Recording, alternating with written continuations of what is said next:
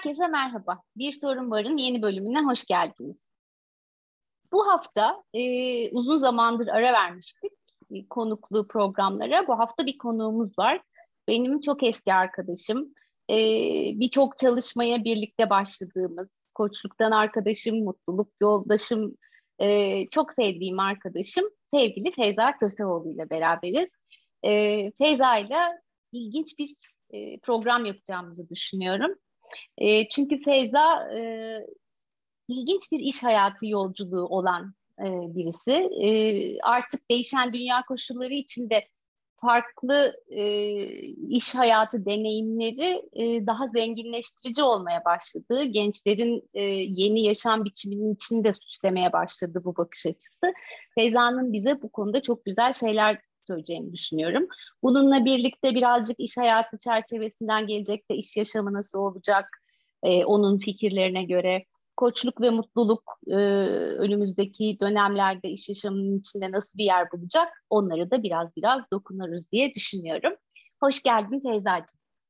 Hoş bulduk Nazlıcığım. Çok teşekkür ediyorum beni konuk ettiğin için. Hani ben de merakla hem e, burada senin kendi e, konuşmalarını hem konuklarla olan konuşmaları dinliyorum. O yüzden gelebildiğim bu bir, bir araya gelebildiğimiz için ben de çok mutluyum. Teşekkürler, hoş bulduk. Ben teşekkür ederim. Aslında biz Feyza ile uzun zamandır ayarlama yapmaya çalışıyoruz. Epeydir e, gündemimizde konu ama ikimiz de bir türlü denk getiremedik. Sonunda ayarladık. Çok güzel oldu. Harika Tekrar hoş oldu. geldin. Hoş Şimdi bu bu bölümün sorusu iş hayatı bizi nerelere götürüyor e, oldu. Biliyorsun her bölüme de bir soru oluyor. E, iş hayatı bizi nerelere götürüyor farklı sorular eşliğinde konuşacağız ama başlamadan önce sana bir soru sorayım istedim. E, koçluktan da sen çok aşinasın, çok metafor konuşuruz. Bir şeyleri bir şeylere benzetmeyi de çok severiz. Acaba e, iş hayatının senin için bir metaforu olsa neye benziyor senin, sana göre iş hayatı? Hmm, en zoru en başta sordum. Eyvah. hayatının benim için bir metaforu olsa ne olurdu? Aslında hani çok da böyle keyifli de bir e, soru. Çünkü ben hani e, organizasyonların hani o e, yaşayan yerler olduğunu düşünürüm. Hani bunları söylerken bir yandan da gözümün önünde o metaforu da canlandırmaya çalışıyorum gerçekten. Yani kendi kültürü olan, kendi dili olan, kendi dinamikleri olan ve bunlar da aslında bir devinim ve değişim içinde olan e, organizasyonlar hani insanların bir araya geldiği yerler hani bir iş ortamı diye düşündüğümüzde bir metaforu olsa ne olurdu? Ee, galiba hani bu son döneminde bütün o değişimi, canlılığı yerine göre e, hızlı hızlı a, çarptıran haliyle e, galiba kalp, kalp geliyor Nazlı gözümün önüne. Belki bu soruyu beş sene sonra sor, e, sorduğunda başka bir şey söyleyebilirim. Ya da beş sene önce de başka bir şey söyleyebilirdim. Ama şu anda gerçekten hani o biyolojik görüntü olarak yani hani tıptaki görüntüsü böyle damarlar giren, e, böyle çalışan, arada hızlı, arada yavaş, hani o tansiyon yükseldikçe panik hali oldukça küt küt küt küt atan hani ya da arada daha stabil böyle çalışan e, gayet kanlı canlı hani öyle bir kalp gibi görürüm ve de aslında onu kendi ellerimde yani hani çalışan her insanın da elinde atıyormuş gibi hani o doktor hassasiyetinde çünkü çok da böyle e, hani olağanüstü zamanlardan geçiyoruz. O yüzden böyle gayet yaşayan, kanlı canlı bir kalp geldi gözümün önüne sen bu soruyu sorup ben de bunları söylerken. Bak seni dinlerken benim de çok hoşuma gitti bu kalp metaforu. Çünkü ben de hep şey gibi düşünürüm organizasyonları. Büyük canlı insanlar gibi düşünürüm. Bir, bir sürü insanın üst üste çıktığı e, iş yaşamı benim için onu temsil eder hep. Şimdi kalp deyince onunla da çok örtüştürdüm. Çünkü yaşayan bir şey hakikaten. Ee, Aynen, ve her biri birbirinden farklı e, kurumlardan, şirketlerden oluşan bir şeyden söz ediyoruz. Hiçbiri birbirine benzemiyor. Ee, onun Kesinlikle. için çok hoşuma gitti kalp metaforum. Çok teşekkür ederiz. Bir yerlerde dursun ikimizin de içinde. Peki e, Şimdi birazcık sana dair bir soru sormak istiyorum izin verirsen eğer. Ee, ben senin hikayeni biliyorum. Senin iş hayatı hikayen e, üniversiteyle birlikte başlayan farklı bir hikaye aslında. O günden bugüne seni taşıyan. Ee, bizi dinleyenlere de ilham olacağını da düşündüğüm bir hikaye aslında. Ee, şöyle bir geçmişten bugüne bize e, yolculuğunu anlatsan, duraklarından, makas noktalarından bahsetsen diye düşündüm. Ne dersin? Umarım senin de umduğun gibi hani öyle bir ilham e, minicik de olsa bir ışık olabilir gerçekten dinleyenlere. E, dediğim gibi hani e, üniversite ve sonrasında başlayan bir yolculuktan bahsediyoruz. Ben elektronik mühendisiyim, elektrik elektronik mühendisliği okudum. E, benim zamanımda işte matematik, fizik e, iyiyse hani daha mühendisliğe gidilirdi. Daha işte diğer konularda iyisen tıpa gidilirdi. Bunlar da işte tercih edilen durumlardı. Çok da öyle hani e, fazla sorguladığım bir süreç yoktu. E, ben de mühendislik dallarını tercih edip hani e, elektronik mühendisi olmuştum. E, ancak hani ben böyle tasarım ve ARGE mühendisi gibi çalışmadım gerçekten. Hani elektroniğin o gerçekten hani e, öz halini yapmadım. Daha e, çalıştığım bütün kurumlarda aldığım pozisyonlar farklı farklı e, görevlerde de bulundum. Daha endüstri mühendisliğinin alanına girebilen hani yine elektronik, e, bilişim ilgili sektörlerde ama daha endüstri mühendislerinin çalıştığı alanlarda çalıştım. Hasbelkader böyle gelişti. İlk işim öyle üretim planlama, stratejik planlamaydı Vestel'de. Uzunca bir dönem aslında bir buçuk sene ben okuduğum şeyi yapmıyorum hani niye yapmıyorum gibi bir içsel e, hani o çatışmayı sorgulamayı e, yaşadığımı hatırlıyorum o dönemde. Ama bir, o sorgulamanın sonucunda aslında büyük resmi görmeyi sevdiğimi, buna ihtiyaç duyduğumu, insan ilişkilerinde de e, hani ona da ihtiyaç duyduğumu, bir arada bir şey yapmaya ihtiyaç duyduğumu filan keşfettiğimi hatırlıyorum. Sonra içimden hani o sorgulama hani argeci neden argeci olmadım? Neden okuduğum şeyi tam anlamıyla yapmıyorum gibi sorgulama benim adıma ortadan kalkmıştı. Sonrası da zaten çorap söküğü gibi geldi. Hani e, satın alma yaptım, tedarik zinciri yönetimi yaptım, üretim planlama, stratejik planlama yaptım. Kalite sistemlerinin kurulumundan işletilmesine hani e, bu tarz işlerde bulundum. E, özelleşme sonrası yeniden yapılanma süreçlerinde bulundum. Bunların bir kısmı çalışan, e, ağırlıklı bir kısmı da yönetici ve ekiplere liderlik ettiğim hani orta ve üst düzey yöneticilik şeklinde geçti senin de bildiğin gibi. E, um, ancak bütün bunları yaparken e, geldiğim noktada aslında orada uğraştığın en temel şey bir bütçeyle de uğraşsam, bir problem çözümüyle de uğraşsam, bir proje yönetimiyle de uğraşsam en temelinde uğraştığımız şey insan. E, o anlamda aslında e, hani ben biraz insanı anlasam, e, kendimi anlasam, oradaki dinamikleri anlasam bu işleri de biraz daha iyi yönetirim e, hani kafasına geldiğim bir noktada. E, hani insanı ben nasıl öğreneceğim? E, hani tamamen sol beyinli bir mühendis olarak oradaki dinamikleri nasıl öğrenebilirim? Kafa karışıklıkları içerisindeyken ki bunlara hani düştüğüm zamanlar artık yurt dışında yaşadığım e, hani e, ve üst düzey yönetici olduğum zamanlar koçlukla ve o disiplinle tanıştığım zamanlar Türkiye'ye dönüşte. Belki hani kariyerimde en önemli e, rotanın değişikliği e, ve aslında insanın e, kendini sadece bir meslekle e, bir algıyla ifade etmesinin ötesine geçişimin hani e, en büyük kırılımıdır o. E, Türkiye'ye döndüğüm 2009'da aslında biraz daha hani bütün o yönettiğim projeler, bütçeler biraz daha farklı bir şeyler yapmak istiyordum ve biraz da kendime alan açmak istediğim bir dönemdi. E, koçluk eğitimlerine katılmam, daha sonra bunu meslek olarak yapmayı tercih etmem, yanına sonrasında eğitmenliği koyuyor olmam ve aşağı yukarı hani 8 senede eğitmen koç seninle de tanışmamıza vesile olan o süreçlerin başlaması böyle oldu. Benim biraz insanı anlamam lazım. Bu işleri daha iyi yönetmek için insanı bilmem lazım ihtiyacımdan hareketli oldu. Ee, hani o yolculukta en büyük kırılımlar ne dersen, seni sen yapan şeyler ne dersen, e, biraz bilinmeyene adım atma e, cesareti diyebilirim. Çünkü çok hani e, kendi uzmanlık alanımda olan bir sürü farklı sektör var, bir sürü farklı pozisyon var. Hani orada hem e, bilinmeyene, e, bilmediğine e, adım atma cesareti diyebilirim. Öğrenme hevesi, öğrenme hevesi ve merakı diyebilirim.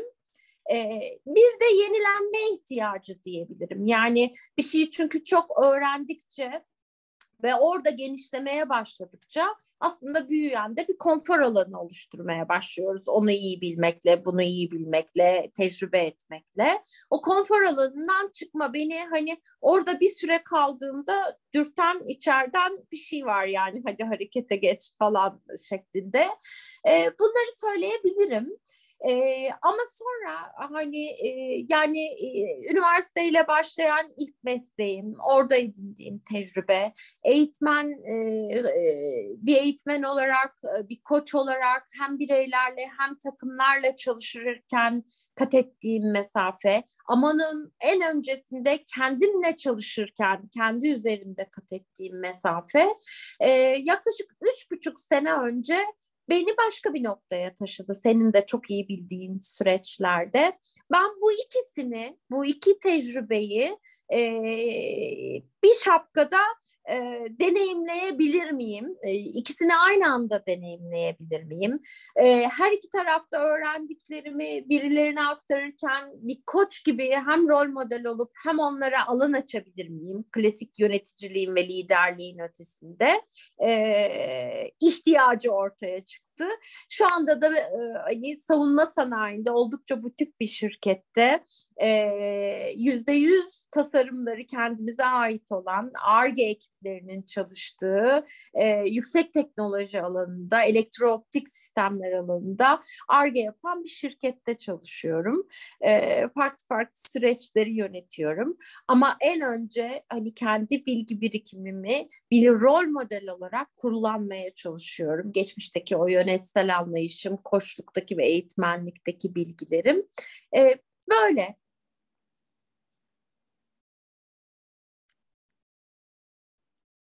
Ne kadar güzeldi hikayen. Ee, aslında ben bildiğim halde çok merakla ve heyecanla dinledim.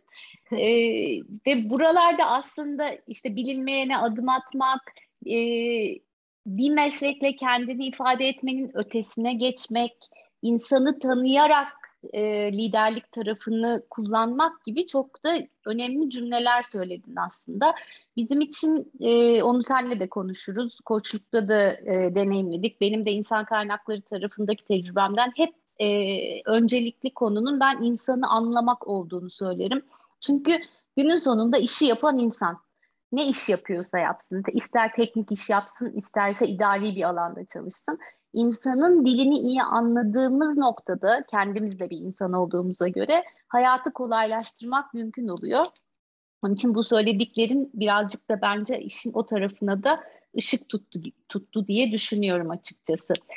Bu e, anlattığın hikaye aslına bakarsan bana göre geçmişle gelecek iş yaşamı arasında da en e, büyük e, değişimi gösteren hikaye. Şimdi ben hep şunu savunuyorum gelecekte iş yaşamı konuşulduğunda yeni nesil bizim bildiğimiz gibi eskiden öyleydi. Bir yerde çalışmaya başlardın. Ne kadar uzun çalışırsan o kadar iyiydi. Bir meslekle yola çıkardın. O meslekle emekli olurdun.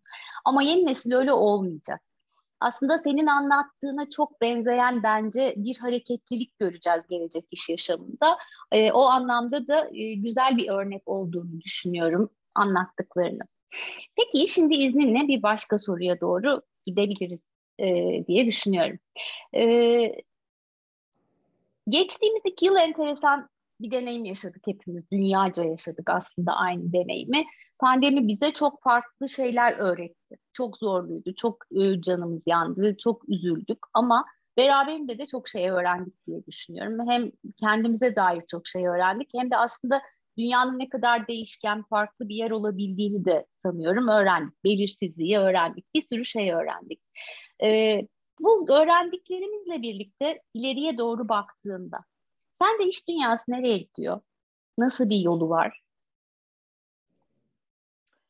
Ee, Evet gerçekten hani olağanüstü zamanlar geçirdik. Hiç bilmediğimiz, tanımlamadığımız hani e, bizim için tanımlı olmayan e, oldukça da zorlu zamanlardı. Yani hani e, biraz böyle e, geçmişe gittiğimizde ilk e, oluşuna baktığımızda hani o Çin'de ortaya çıkması ay bize bir şey olmaz dediğimiz zamanlar sonra öyle hızla gelişi birdenbire eyvah ne oluyor falan gibi hani oldukça aslında sarsıcı e, travmatik yani e, dönemler yaşadık. Hala da aslında hani e, devamlı e, yaşanıyor. Bu anlamda aslında hani oldukça tanım tanımlı olmayan ve zorlu süreçler olduğunu söyleyebiliriz. Ama ben ama ben çok umutluyum. Çünkü aslında kolay kolay iş dünyasının genelini kapsayacak, dünya bazında etkileri olabilecek değişimleri tetiklemek çok kolay değil. Hani ancak bu kadar küresel bir şey de bu her yerde olmaya başlıyor. Bütün insanlık için olmaya başlıyor. Hepimiz böyle bir şeyin içine giriyoruz. Şimdi bana göre iş dünyası nereye evriliyor? Bir kere daha fazla sorgulamanın olduğu bir yere evriliyor. Hani ben doğru bir işimi yapıyorum, doğru mu, ürünlerim doğru mu, ben doğru muyum, insanlarım doğru mu, rakiplerim doğru mu, hani filan bütün bunları da kapsayan ya da daha farklı ne olabilir kapsayan daha sorgulayıcı bir yere gidiyor. Bir kere daha esnek bir yere gidiyor.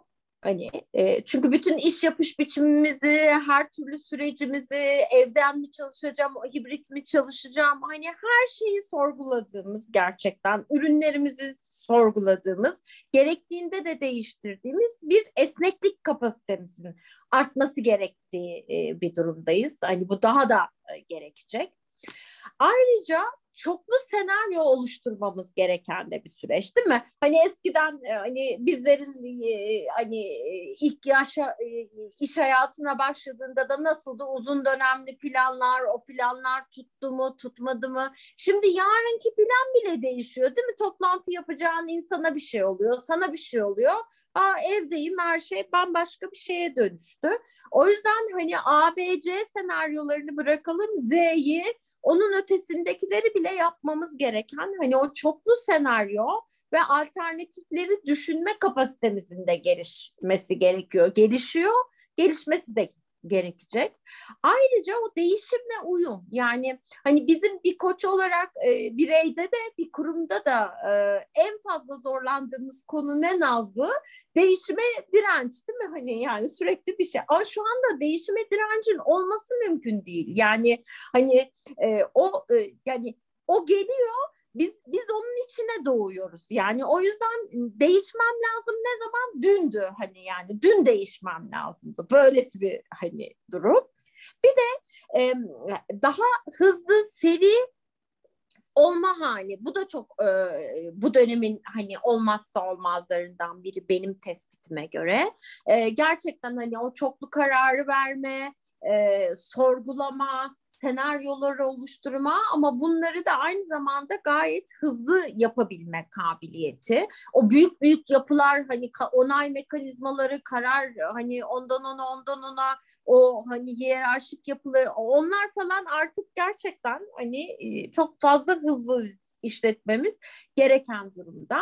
Ben bunların hepsini aslında uyanık olma hali diye tanımlayabilirim. Yani hani hem içeride kurumun içinde olan bitene, hem bireylerine, çalışanlarına, oradaki süreçlere, hem dışarıda olan bitene her şeye uyanık olma hali diye tanımlayayım ben bunu. O yüzden bana göre iş hayatı bütün bu zorluklara rağmen aslında hiçbir gücün, hiçbir danışmanın, hiçbir stratejistin de tek başına başaramayacağı şekilde toplu bir değişim ve dönüşüm e, geçiriyor. Yüzde yüz katılıyorum sana. Ee, şaşırtıcı büyük bir değişimi aslında çok kısa bir zamanda yaşadık. Ee, bütün dünya aynı cümleleri konuşmaya başladı. Bütün dünya aynı değişim sürecini paylaşmaya başladı ve çok benzer uygulamaları da devreye almaya başladılar. E, hatta geçen hafta bir online e, kongre dinledim. E, insan kaynakları alanında düzenlenen bir kongreydi Amerika'da. E, büyük birçok bir Amerikan şirketinin İK direktörü konuşma yaptı kongrede. Ee, söyledikleri şeyler bizim yaşadıklarımıza o kadar benziyordu ki genellikle onlar hep bir adım önde konuşurlardı eskiden pandemi öncesinde ama şimdi aynı şeyleri konuştuğumuzu duymak e, bir taraftan da hoşuma gitti. Yani dünya hakikaten söylediğin gibi aynı değişim dönüşümü aynı anda ve birlikte yaşıyor ve birlikte deneyimliyor. Bu kısmı çok çok önemli. Ee, değişime uyum ve direnç hakikaten çok çarpıcı ilerliyor. Hiçbirimizin direnme lüksü kalmadı. Ee, geleni kabulle gidiyoruz artık. Ee, sor, so, çok sorguluyoruz. Bir taraftan da sorgulamadan da kabul etmek durumunda hissediyoruz bazı şeyleri ve uyumlanıyoruz. Ee, bakalım bu beceriler geleceğe nasıl yansıyacak merak ediyorum birçoğunun kalıcı olacağını ben de senin gibi düşünüyorum. Bugünden sonra eskisi gibi bir şey olmayacak. E, bu yeni düzen artık yeni düzenimiz olacak gibi geliyor bana da. E, fena Kesinlikle. da değil aslında. Fena da ee, değil. Ayrıca burada e, çok e, belki araya girdim. Lütfen yo, yo. unutma söyleyeceğini. E, e, bana göre en derinde e, fark edilen bir de şöyle bir, bir şey var.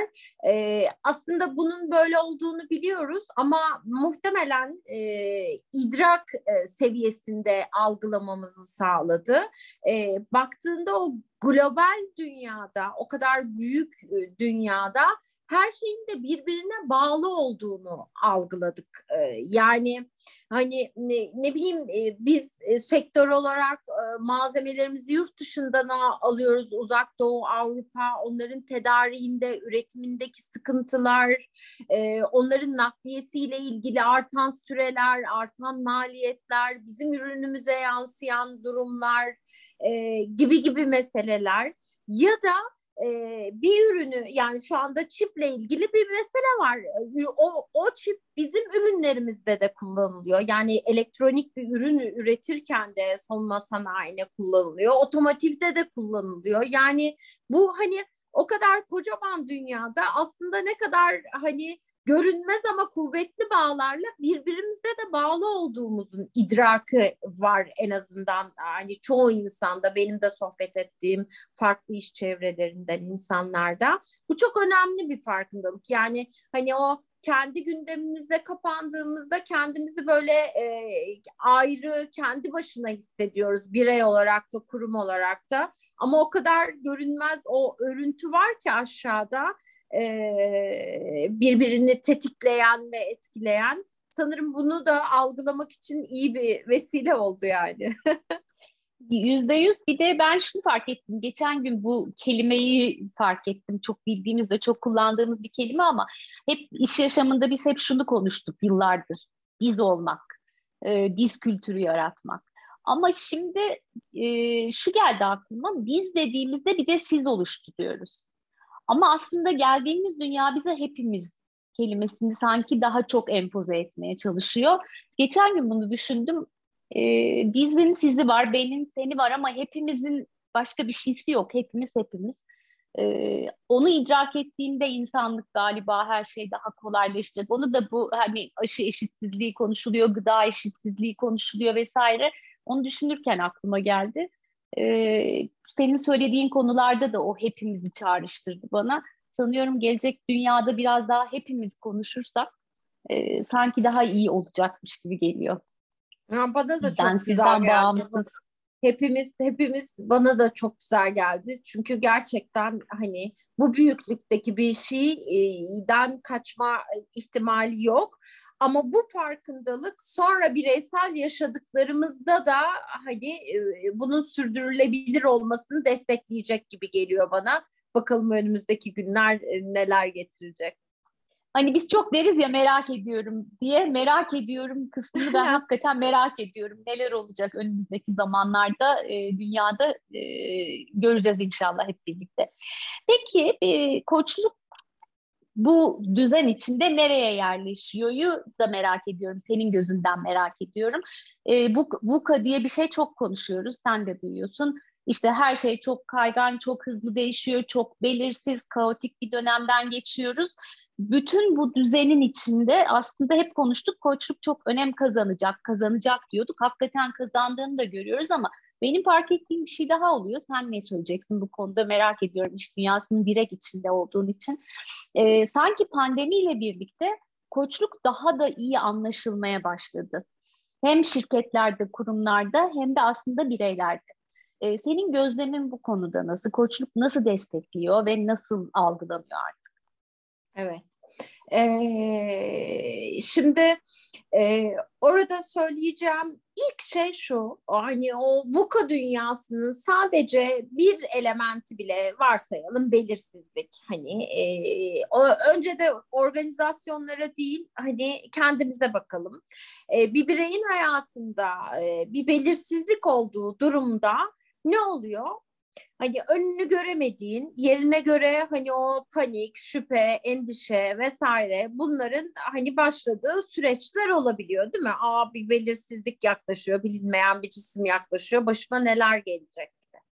Şimdi e, bu dönemde biz toplum olarak, toplusal olarak yani hepimiz Bunların dördüne de aynı anda şiddetli bir şekilde maruz kalıyoruz. Yani bunların biri bile minicik bir anksiyeteyi tetikleyip hani gerisi gelebilecekken şu anda gerçekten travmatik hani e, önümüzü göremediğimiz gayet muğlak belki yarını nasıl çıkaracağımızı bilmediğimiz bir dönem. Yani aslında toplu travma, toplu anksiyete, toplu e, panik atak bu durumların yaşanması muhtemel. Zaman zaman da hem birey olarak hem kurum olarak içine düşmemiz çok da olası.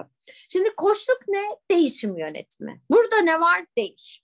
Ee, o yüzden hani e, o e, e, yani birey içinde bir kurum içinde söylediğimiz zamanlar şimdi yani şu anki o değişimin hızı olan bitene anlama, anlamlandırma çabası, bütün bunların en yoğun yaşandığı dönem.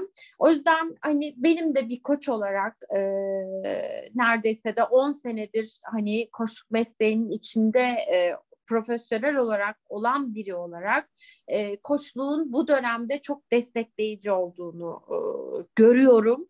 E, kendimden hareketle biliyorum. Etrafımda da hani e, hem koçluğa e, ihtiyaç duyanların arttığını hem bu hizmeti alanların da arttığını görüyorum. Çünkü neden?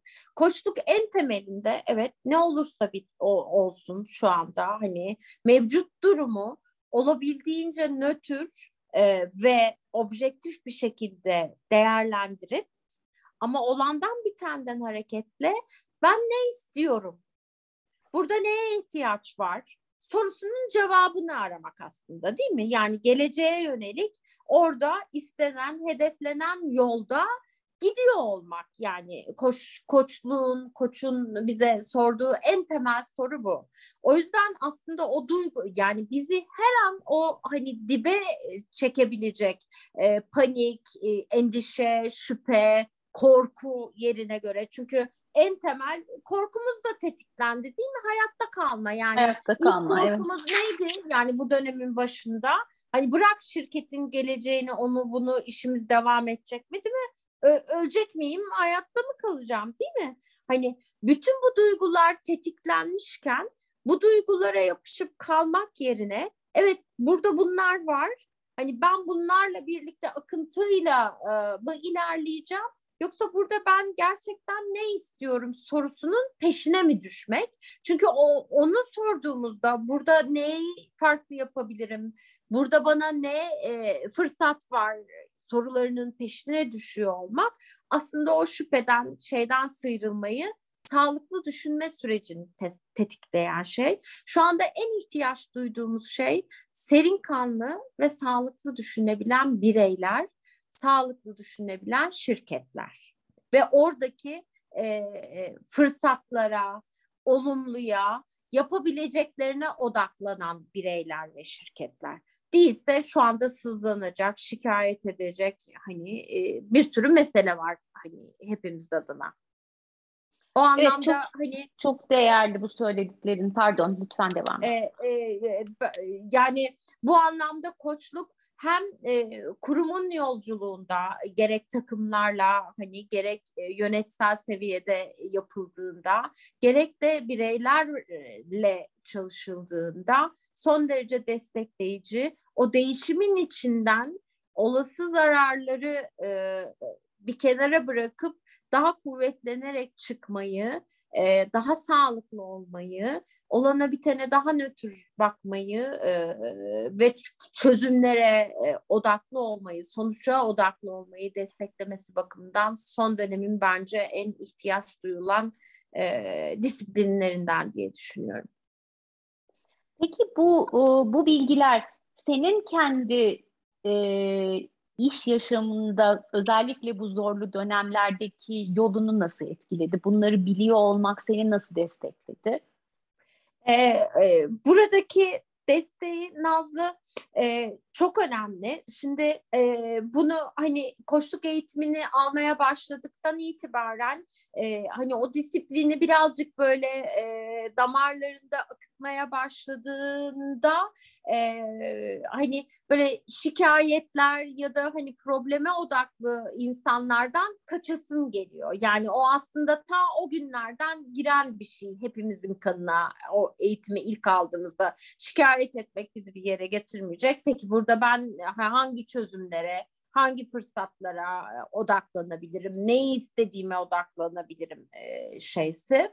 E, doğal olarak bir koç ve hani işin e, yönetsel tarafında e, olan biri olarak e, bu bilgileri biliyor olmak okey bunu yaşıyoruz ama şimdi biz ne yapabiliriz de e, direkt yönümü çevirmemi sağladı. E, elbette ki insanız her an ve her an düşme potansiyelimiz var. Orada da beni hep e, hani e, ayakta tutan ileri bakmamı, biraz gökyüzüne bakmamı sağlayan şey, okey bütün bunlar oluyor. Burada ben ne yapabilirim? Ben ne istiyorum? Bizim neye ihtiyacımız var? Burada beni, ekibi, şirketi ne destekler? sorularını sık sık kendime hatırlatıyor olmak oldu. E, bu anlamda hani o bilgilerin beni bu dönemde çok e, hani ittirici kuvvet olduğunu düştüğüm her anda da hani o koştuk sorularına e, şey e, sığındığımı söyleyebilirim gerçekten de.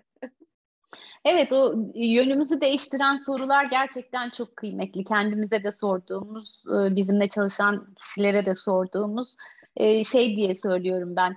Başımız arkaya dönük kalıyor geçmişe takıldığımızda veya probleme takıldığımızda ama sorular bizim başımızı ileriye, önümüze ve bulmak istediklerimize döndürmemizi sağlıyor. Aniden bir manevra yaptırıyor.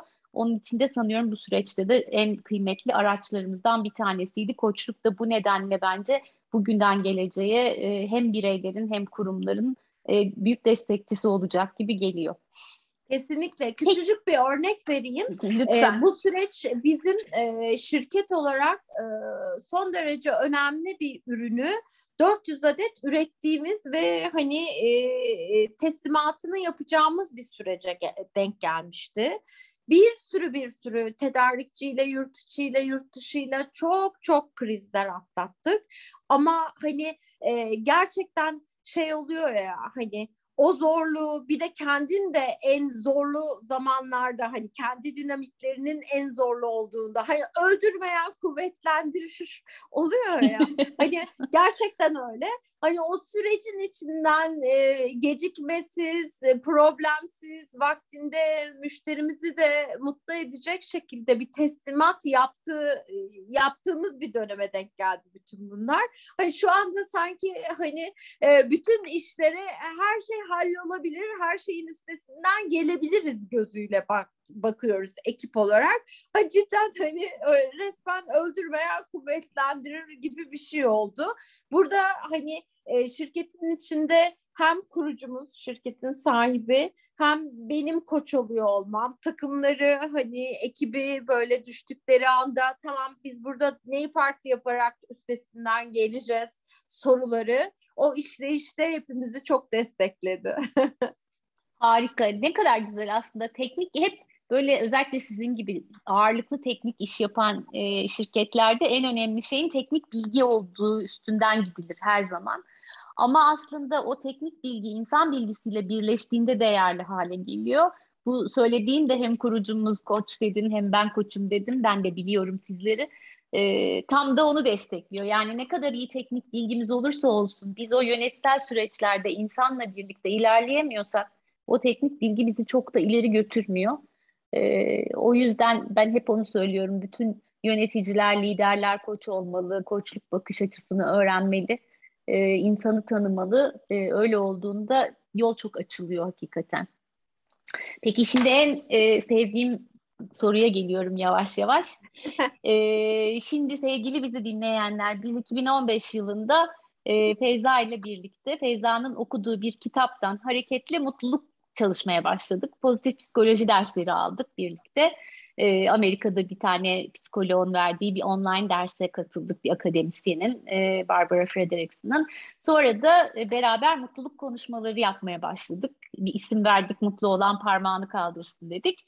E, bizim ikimizin çocuğu oldu onlar. E, epeyce de birlikte eğitimlerimiz, seminerlerimiz oldu. E, Feyza'nın işleri yoğunlaşınca e, birazcık o ara verdi ama hala bu konuda gönlümüz bir onunla. E, iş yaşamında mutluluğu da çok konuştuk biz Feyza'yla. E, şimdi ona birazcık da o perspektiften bir soru sormak istiyorum. E, mutlu çalışana ve insana dair özellikle pandemi döneminde e, ne fark ettin? Yani çalışanın mutlu olmasını sağlamak, iyi hissetmesini sağlamak, mutluluk anlatırken e, biz Reza ile hep onu anlattık. Mutluluk dediğimiz şey e, öyle elini çırpıp oynamak değil aslında gerçek iyi hissetme hali dedik. Feyza'nın çok güzel anlattığı bir heliotropik etki işi vardı, e, etkisi vardı. E, onları konuştuk hep insan ve mutluluk konuşurken. Şimdi Feyza'ya bir de pandemi çerçevesinde ve geri döndüğü kurumsal dünyada bunu sormak istiyorum. İnsan ve mutluluk ve iş yaşamı üçlemesiyle ilgili bize neler söylersin? Nazlı şimdi hani e, bir kere beni hani o günlere götürdün. Ben de o yolculuğumuzun başladığı seninle hani o çalışmaları yaptığımız zamanlara gittim ve içimden de gerçekten hani şimdi yeniden böyle hani o birlikte yaptığımız e, minik workshoplar, konuşmalar onlardan bir, bir birkaç tane daha yapsak isteği geldi.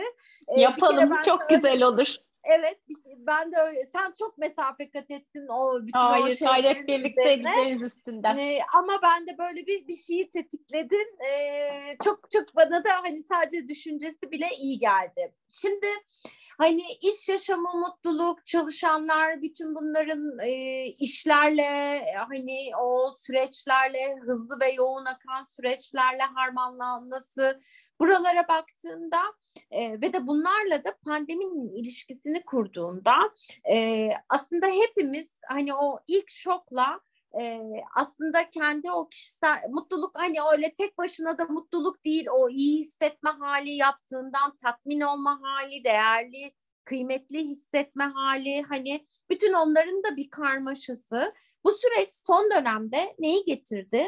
Bir, bir kere ben ne yapıyorum ve bunun için, bunun benim için anlamı ne?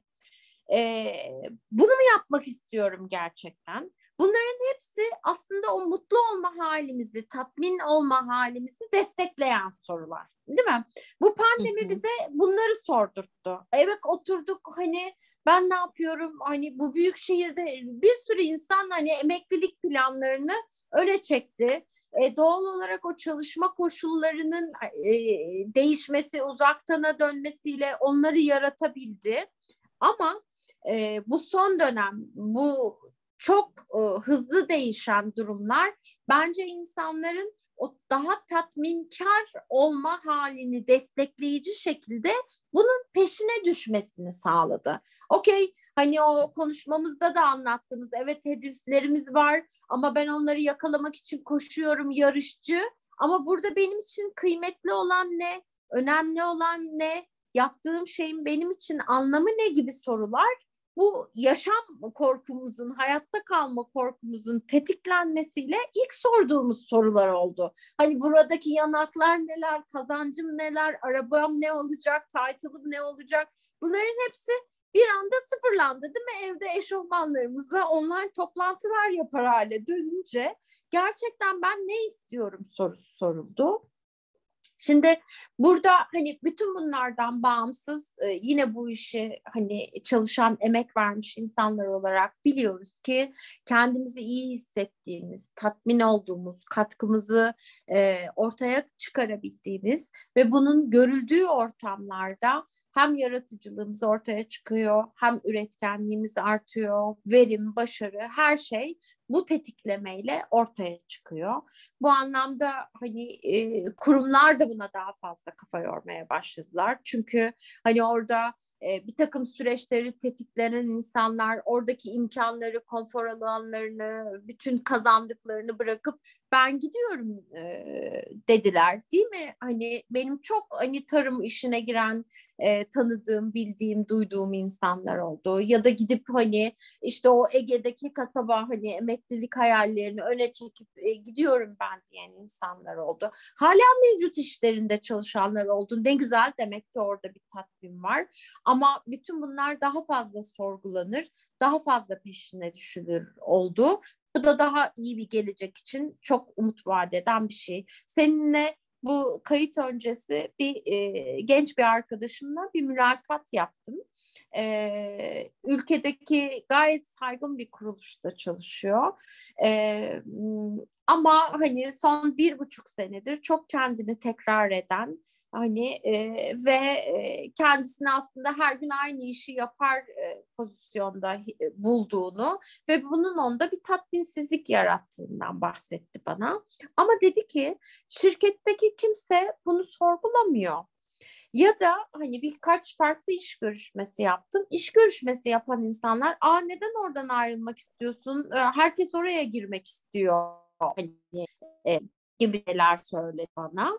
Ben de şu anda kendime hani bende bir gariplik mi var? Bunları sorgulamam e, doğru mu? E, yanlış mı? bu noktada buluyorum dedi. Şimdi serde koçluk olunca hani orada her birimizin kendi iç motivasyon kaynağını fark etme fark etmesini destekleyecek birkaç soru sordum ona.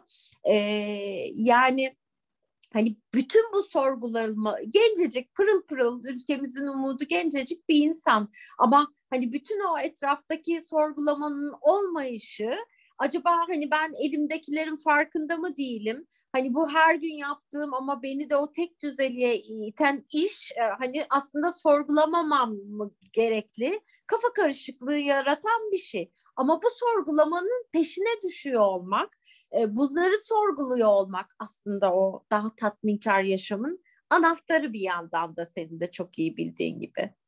Evet evet çok önemli. Gerçekten o hem bu sorgulama hem anlamı fark etmeye çalışma çok kritik hale geldi son dönemde. Hakikaten e, şirketlerin de birçoğu bunu da e, bulmaya çalışıyorlar. Çalışanlarına anlamı fark ettirmek. Çünkü artık katkı sorguluyor gençler. E, yaptığımız işin dünyaya, topluma, ülkeye katkısı ne? Biz bu işi neden yapıyoruzu sorguluyorlar e, bu da bence pandemi sonrası ortaya çıkacak güçlü dönüşüm alanlarından bir tanesi olacak diye düşünüyorum. E, çok önemli. E, anlam farkındalığı, mutluluğun en önemli destekçisi. Hep seninle de konuştuk. Aynen, Hatta aynen. E, bazen anlam mı mutluluk mu diye bile tartışıyor bu konuda çalışan insanlar. E, anlamın çok daha kapsayıcı olduğunu da söylüyorlar e, bence e, anlam farkındalığı yaratmak ve kendi adımıza yaptıklarımızdaki anlamı fark etmek e, bugünden geleceğe hepimizin yol ışığı olacak herhalde. Kesinlikle hem de yolda tutucu da bir şey olacak gerçekten. Evet yani bunun benim için anlamı ne? Burada yaptığım şeyin e, hani e, katkımın şirket için anlamını biliyor muyum? Organizasyon için, takım için anlamını biliyor muyum? Bak küçücük bir örnek anlattı Nazlı. Yani o kadar manidar ki aslında hani şirkette e, işe girdikten sonra süreçlerle ilgili elini kaldırıp hani bir yenilik önerisinde bulunmuş. Bir, bir teknoloji ve inovasyon şirketinden bahsediyoruz ve aldığı cevap biz burada e, bunu yapamayız olmuş. Şimdi hani e, çok manidar yani hani e, teknoloji inovasyon dediğin bir yerde yeni fikirleri e, burada bu olmaz, burada bu yapılmaz, biz burada yoğurdu böyle yeriz, e, biz bu işi böyle yaparız diyor olmak zaten kökten işin doğasına ters. Hani burada inovasyon nasıl çıkabilir o zaman? Yani hani e, e, çok manidar, hani çok gerçekten manidar. O yüzden hani gençler ya bu bu şirketler ölmeye mahkumlar. Yani yok olmaya mahkumlar. Yani bir bir kere yeni insanlar, geleceğimiz olan gençler çok sorguluyor. İyi ki de sorguluyor ki e, sonra oradan o organizasyonun dışından çıkmayı tercih ediyor. Ama isminin içinde adında yani e, teknoloji olan, inovasyon olan bir şirketin yeni fikirlere açık olmaması da onun ölümünü getirecek bir şey. Mutlaka sorgulama e, ve hani oradaki e, değişime de alan açıyor olma e, önümüzdeki en önemli ödev yani. Kesinlikle öyle. Bu bu ara çok üzerinde konuştuğum ve yazıp çizdiğim de bir cümle. Biz bunu hep böyle yaparız cümlesi ya da biz bunu hep böyle yaptık cümlesi. Ee, bir yerde okumuştum. Ee, Amerikalı bir e, amiral 1990'ların sonunda ayrılmış bu dünyadan. Ee, bir kadın bilgisayar mühendisi hem de. Ee, şöyle bir cümlesi var. Ee, bir dakika toparlayayım. Ee, dilimizdeki en tehlikeli cümle biz bunu hep böyle yaptık cümlesidir demiş. Çünkü demiş ki değişimin önündeki en büyük engeli koyar. Hakikaten öyle. E, kurumsal alışkanlıkları da şirketlerde de oluşturan cümlelerden bir tanesi. Değişimi engelleyen. E, bu cümlenin bence bugünden sonra biz bunu hiç böyle yapmadıkla e, ve yapalım, deneyelim, merak ediyoruz da değişmesi e, acil ve ivedi bir ihtiyaç diye düşünüyorum. Çünkü ilerleyeceğiz, farklı şeyler yapacağız. Eskisini yapmayacağız. O yüzden e, çok güzel bir cümleyle e, bana hatırlatma yaptın. Teşekkür ederim. Peki yavaş yavaş sona doğru geliyoruz. Ee, çok da güzel bir sohbet oldu. Çok da özlemişim böyle bir sohbet etmeyi ben seninle de. Feyza. Ge- ben iyi de. ki vakit ayırdın bana e, ve bizim programımıza. E, son soruyu da şöyle sorayım istedim. Biliyorsun bölümün sorusu iş hayatı bizi e, nerelere götürüyordu? Onunla ilgili epey bir şey konuştuk. E, kendi öngörülerimizden, senin öngörülerinden hareketle epey bir şey konuştuk. Bu yolda e, bugünden geleceğe gidecek olan yolda hem bir yönetici, hem bir mühendis, hem bir koç e, olarak bütün şapkalarınla birlikte e, iş yaşamında olanlara birkaç ipucu verecek olsam bu yolda kararlılıkla ve keyifle ilerlemelerini sağlayacak Neler söylemek istersin? Ee, Nazlı neler söylemek isterim? Ee, bir kere yani ilk ilk ilk böyle hani o yolda tutucu ve destekleyici şeyler tabii ki bütün bunlar kendi tecrübelerimle ve ihtiyaç duyduklarımdan da hareketle her an ve her an gelişmeye, öğrenmeye e, açıklık diyebilirim. Yani bu çok temel. Gerçekten o bildiklerimize e, ölmek ve yeni bilgilere doğmak aslında. Yeni yeni olan her şeye doğmak. Bu her gün ve her gün sabah uyandığımızda yapıyor olmamız gereken ve ihtiyaç duyduğumuz şeylerden biri. E, öğrenme ve gelişme biten bir şey değil. Sen çok iyi bilirsin. Benim bir metaforum vardır. Hani öğrenmeyi bıraktığımızda aslında ölmeye başlarız. Yani hani bana göre gerçek ölüm hani fiziksel olarak artık kalbimizin durması değil. E, kendimizi yeni bir şeylere kapattığımız gün başlayan bir süreç yani orada ölüm başlıyor bana göre. Hani o öğrenmeye ve gelişmeye açıklık, merak diyebilirim. Yani e, hem burada ne oluyor hem dünyada ne oluyor bütün bunları takip edip aslında o geleceği yaratmaya merak yani e, o alanlara merak diyebilirim. E, onun dışında esneklik kabiliyeti hani o dayanıklılık, esneklik, çeviklik hani bütün o kabiliyetler diyebilirim. Hani bunlar böyle e, benim için öne çıkan e, ilk üç şey oldu. Ama belki sadece iş hayatı için değil böyle hayatın geleni, geneli için de böyle bir bir şey geldi aklıma. Bütün bu söylediklerim bende onu çağrıştırdı. Hani eskiden hep şey derdik slogan sıfır hata hani yani böyle sıfır hata. Ee, ben de bunu aslında şöyle yapabilirim. Hani bu yaşadıklarımızdan daha hareketle sıfır konfor alanı.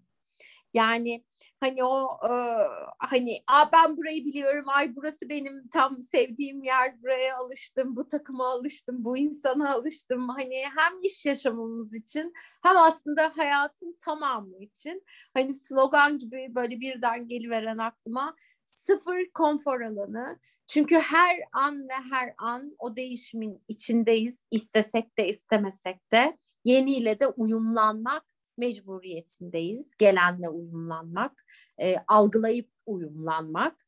O yüzden sıfır konfor alanı herhalde. çok, çok, çok güzel oldu. Bu mesajlar çok rahatsız edici tabii. Konfor alanı en sevdiğimiz çok, şey hepimizin. Çok rahatsız edici. Bana da söylerken aman Allah'ım falan oldum. Ama şu an zaten onun içinde debeleniyoruz. Yani e, şu an bunu debeleniyoruz. Ama gittikçe ve gittikçe hayat, iş hayatı, bütün bu olup biten bize hani o sıfır konfor alanını e, zorluyor. Hani bir şeylere alışıp öğrenmeye değil her an ve her an yeni bir şey öğrenmeye, yeniye açık olmaya zorluyor. Evet, bana da e, kötü geldi ama sıfır konfor alanı. ama bir yandan da aslında öbür söylediğin üç şey de sıfır konfor alanının ilaçları gibi de geldi bana beraberinde. Çünkü sıfır konfor alanı varsa esnek ve çevik olmak zorundayız demektir. Doğru. Sıfır konfor alanı varsa geleceği yaratma merakı içinde olmamız lazım ki gittiğimiz yönü bulalım ee, ve gelişmek ve öğrenmek zorundayız. Dolayısıyla o söylediğin üç şey sloganın da ilaçları gibi, kürü gibi geldi. Aa, iyi valla iyi formülize ettin çünkü ben böyle Allah çok zorlu bir şeyle, problemle ayrı bitecek bu konuşma diye ürkmüştüm. Doğru haklısın öyle düşünmemiştim. Ben, ben de onu çağrıştırdı. bir de şu, e, şu cümle de çok hoşuma gitti. Ee, onu da tekrar ederek toparlayayım. Bildiklerimize öl, ölmek ve yeni şeylere doğmak dedin. Ee, o kısmı gerçekten önemli. Tabii ki bildiklerimiz, bilgimiz ve bizi zenginleştiren şeyler ama bizi yeniliklere kapatmasına da izin vermememiz lazım. Ee, çünkü yeniyi bazen eskiye benzetmeye çalışarak yapmaya, e, yaratmaya uğraşıyoruz. Ama yeni adı içinde e, yeni demek. Yani eskinin benzeri olmak zorunda değil. Ona da izin vermekte geleceğin dünyasında fayda var diye düşünüyorum. Aynen. Teyzacığım çok teşekkür ederim. Ee, ben teşekkür yorgun ederim. zamanında vakit ayırdın. Ee, programımıza katıldın. Bir sorun var ve ben sana teşekkür ediyoruz.